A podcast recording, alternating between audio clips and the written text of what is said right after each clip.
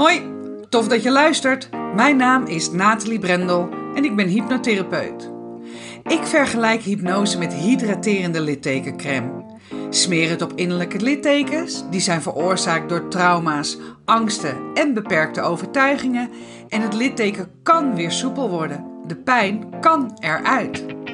In deze podcast ga ik, naast hypnose, op zoek naar andere hydraterende littekencremes.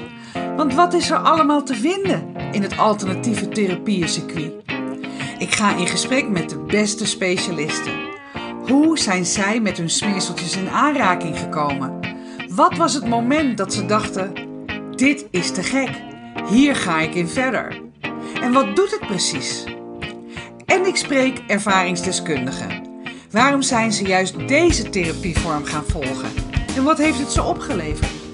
Kortom, de verhalen achter de kremmetjes. Welkom bij Smeren met Brendel.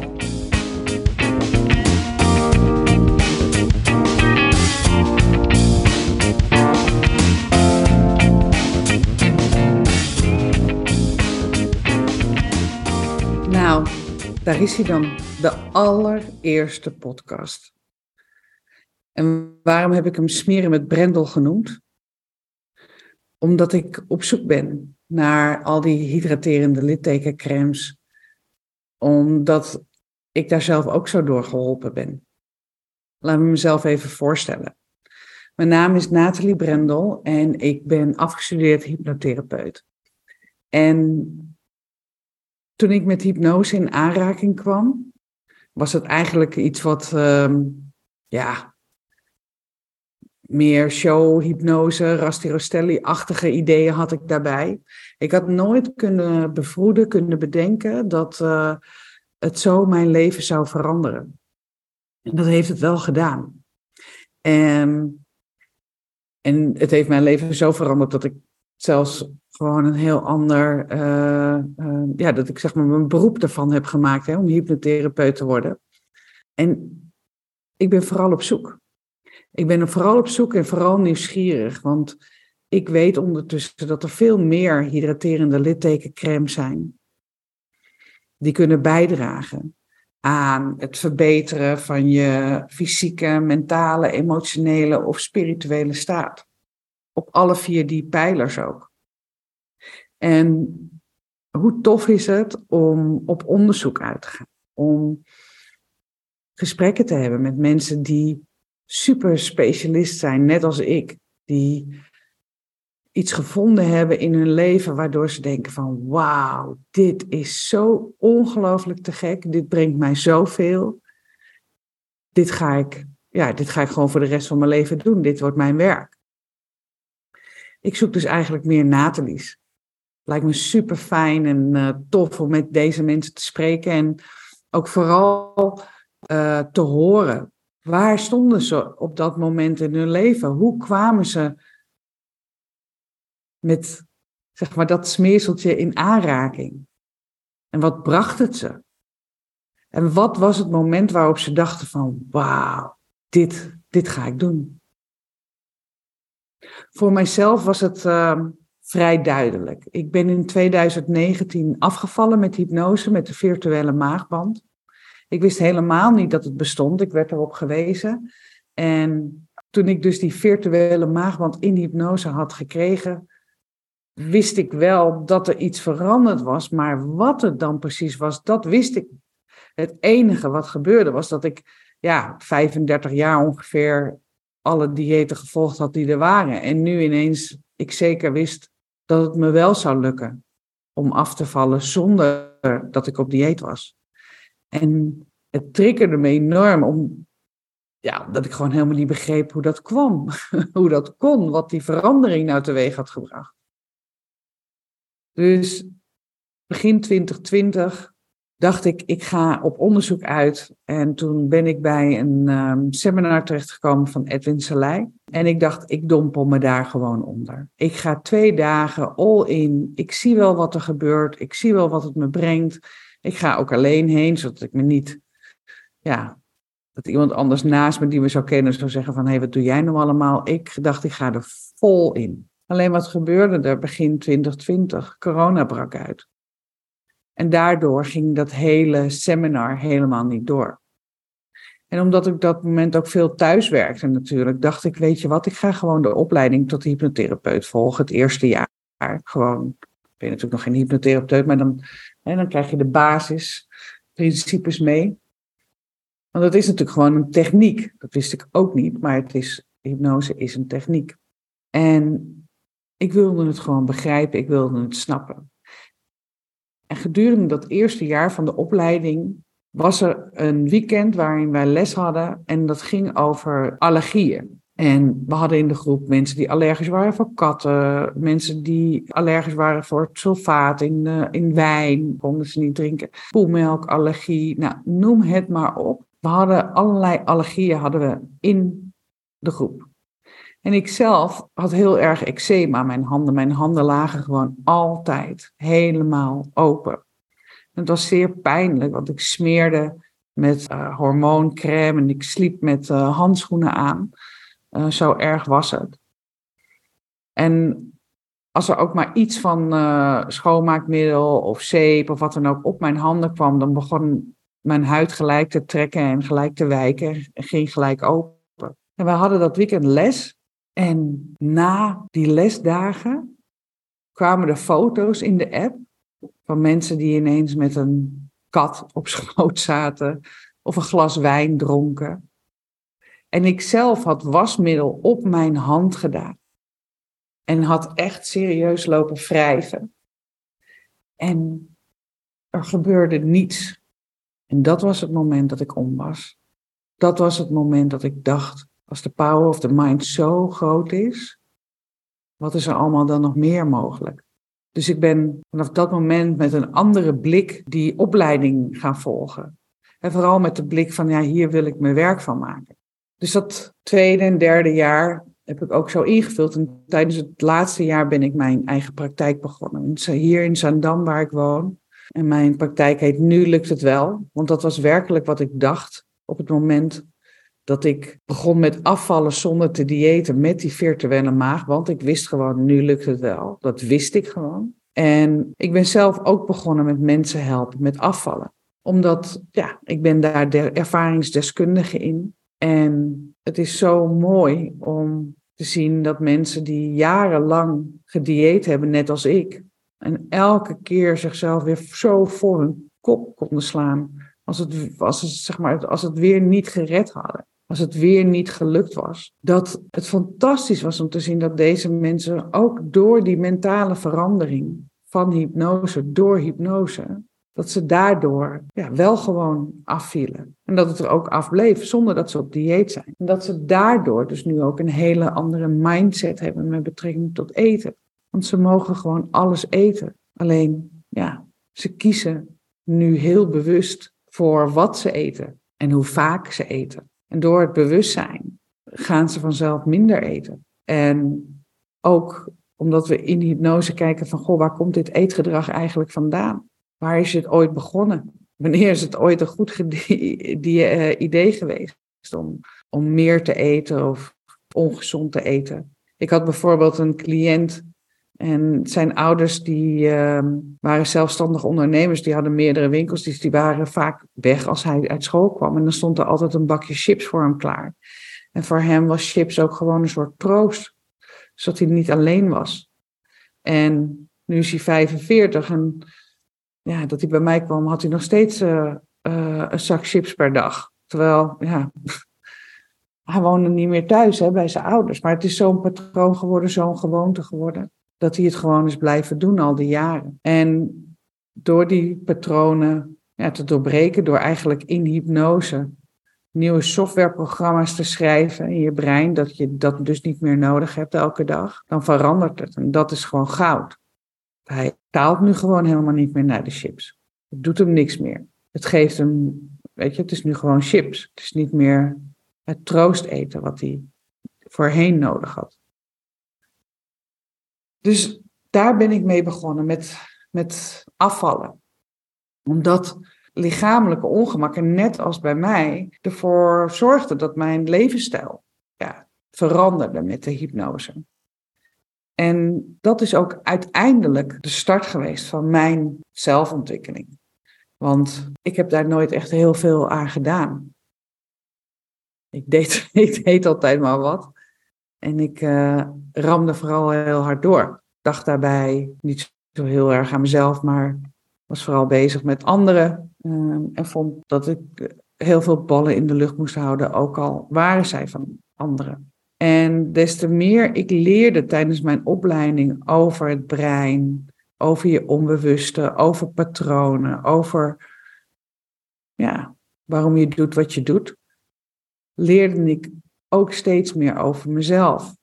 En dat leren over mezelf bracht me er uiteindelijk toe dat ik dacht van ja, ik heb zelf ook nog wel wat hobbels te nemen. Dus in mijn jeugd, in mijn verleden zijn er ook wel dingen geweest waar ik eigenlijk ja, niet meer zo heel veel aandacht aan heb gegeven.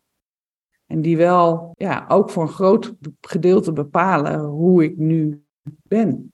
En begrijp me niet verkeerd, hè. Ik bedoel, het heeft me allemaal heel veel gebracht.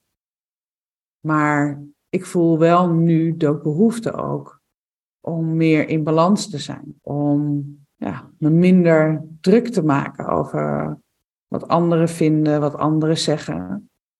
En weer meer naar mezelf te gaan luisteren.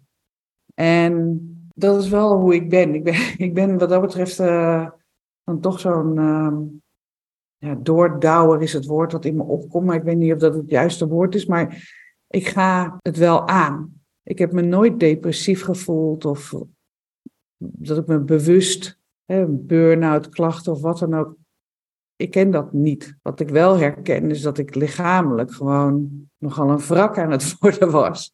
En dat ik dat dus ook totaal kon negeren. Ik kon gewoon doorlopen met een uh, gebroken kuitbeen. Ik kon gewoon doorwerken met twee jaar alleen maar ontstekingen in mijn hoofd. Ja, dat schakelde ik dus blijkbaar gewoon uit.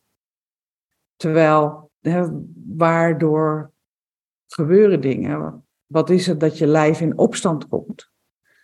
Ik woog op een gegeven moment bijna 100 kilo en ik dronk elke dag ook alcohol, dat dat mij rust gaf. En dat zijn wel dingen die ik aan ben gaan kijken. Hoe komt dat? Waar komt dat vandaan? Heb ik het nog nodig? En dat, ja, ja dat er meer voor mij, uh, dat, er, dat er meer te halen was dan alleen dat met hypnose. En uh, ik ben dus op zoek gegaan voor mij kwam de grootste doorbraak met een paardencoach. Waarbij dat paard gewoon tegen mijn voorhoofd aan het tikken was en daarna in mijn buik. Dat die paardencoach zei van, oh, zit je veel in je hoofd en in je en, niet in je lijf? En uh, ja, ik begon uh, spontaan te huilen in die bak. En terwijl ik daar stond, ging er in mijn hoofd gelijk de tafel van vier af.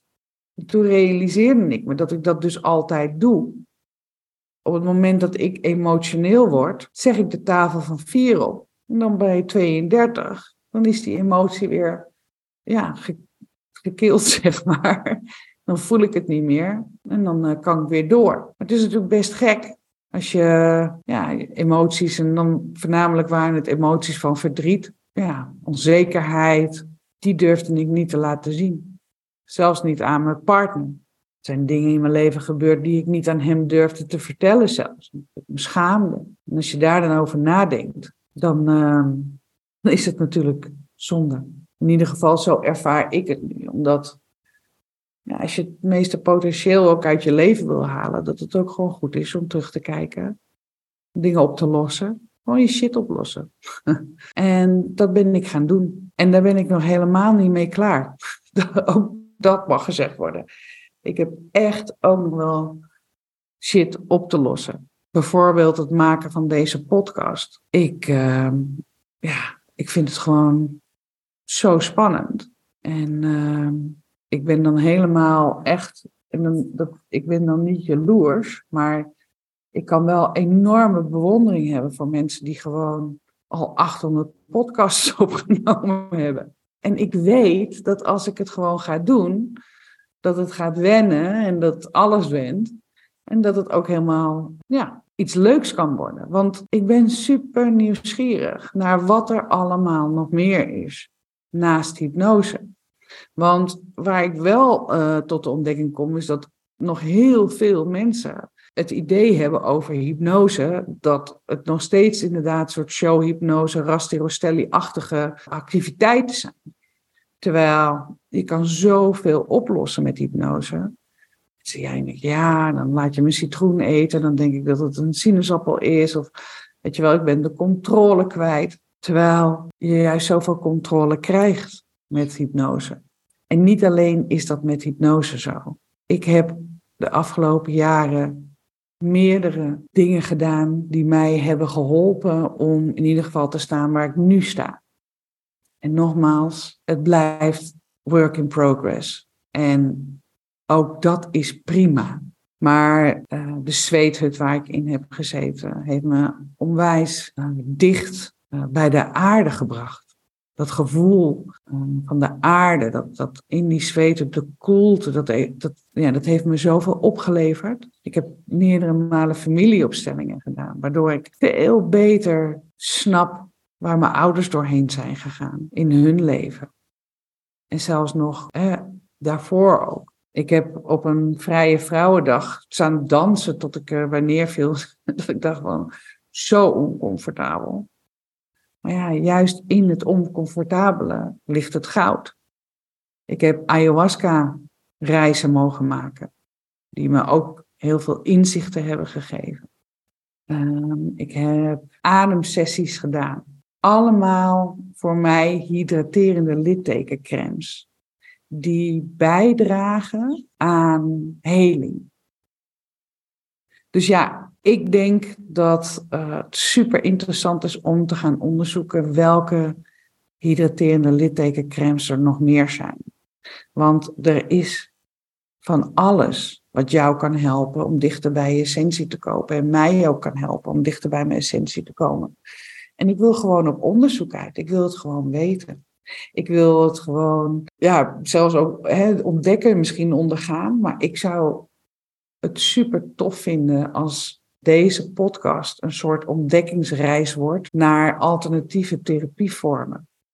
Uh, waarin specialisten vertellen ook, zoals ik net verteld heb, hoe ik met hypnose in aanraking kwam en wat het moment was waarop ik dacht van wauw, dit is, oh, dit is zo te gek. Hier ga ik mijn beroep van maken. Hier ga ik in verder. Hier heb ik wat te brengen. Um, het lijkt me enorm inspirerend om mensen te spreken die dat ook op enig moment hebben gehad. Dat gevoel van dat je iets in handen hebt waar je zelf zoveel baat bij hebt, dat je dat wil uitdragen, dat je dat wil delen, dat je mensen daarmee wil helpen. Dat lijkt me super tof. En daarnaast lijkt het me ook gaaf om vooral mannen ook te spreken die zo'n alternatieve therapievorm hebben geprobeerd en daar ook baat bij hebben gehad. Ik zou heel graag willen weten waar stonden zij in hun leven op het moment dat ze hiermee in aanraking kwamen. Hoe hebben ze het ervaren? Wat doet het nu nog voor ze? Dus dat je zowel de specialist hoort als de ervaringsdeskundige, dus degene die het ondergaan heeft. Dat lijkt me tof. En daarnaast wil ik gewoon, ja, onlys opnemen, solo's opnemen zoals deze. Want hoe tof zou het zijn als er een therapievorm voorbij komt waarvan jij zegt, wauw, dat lijkt me wat. Dat is wellicht wat voor mij. En je ondergaat het, je gaat erheen, je gaat het doen, je gaat het ervaren. En het brengt je wat. Het, het voegt wat toe voor je. Nou, weet je, dan, ja, dan is deze podcast gewoon al geslaagd. Zo simpel is het. Want dat is wel waar mijn um, doel ligt. Is dat het juiste woord? Ik weet het niet precies. Maar misschien mijn missie. Want kijk, dat afvallen, dat is net als wat het bij mij was. Een lichamelijk ongemak op een gegeven moment. Dat je merkt van ja, er moet wat gebeuren. En mijn kop zat vol met mijn handen. En, uh, het, het is allemaal lichamelijk. Maar de body keeps the score. Je, je lichaam geeft op een gegeven moment allemaal signalen af dat er iets niet helemaal tof gaat. En of dat nu is dat je chronische pijnen hebt die je niet kan verklaren, waar de dokter ook geen verklaring voor heeft. Of dat je moe bent of slecht slaapt of niet lekker in je vel zit of dat je ja, deprimerende gedachten hebt of dat je je door de dag heen sleept of dat je alles te veel vindt. Het kan anders. En hoe tof zou het zijn als deze podcast jou inzichten, informatie geeft, waardoor je het anders gaat doen. Want alles wat je nodig hebt zit in jou. En dat zeg ik ook tegen mijn cliënten. Alles wat je nodig hebt zit in jou. Ja, als je het nog niet weet, maar door deze podcast op ideeën wordt gebracht, dan zou dat natuurlijk fantastisch zijn. Dus dat gun ik je ook van harte. Ik ga op zoek naar een eerste specialist. Ik, ben, ik ga ook op zoek naar een, uh, een ervaringsdeskundige. Maar je zou me enorm helpen als jij diegene bent of kent die dat specialisme zich helemaal eigen heeft gemaakt en dat nu uh, voor zijn uh, dagelijkse werk doet. Of als jij iemand bent of kent die een bepaalde therapievorm heeft gevolgd en daar heel veel baat bij hebt gehad en je wil dat delen. Dat zou ik echt super fijn vinden als je dat zou willen doen. Uh, zou willen doen, in ieder geval mij zou willen doorgeven. Wat moet je doen? Aan mij doorgeven. Dat zou ik fijn vinden als je dat zou willen doen. Um, zodat ik met die mensen in gesprek kan komen of dat ik met jou in gesprek kan kunnen komen. En dan gaan we er gewoon een mooie podcast van maken.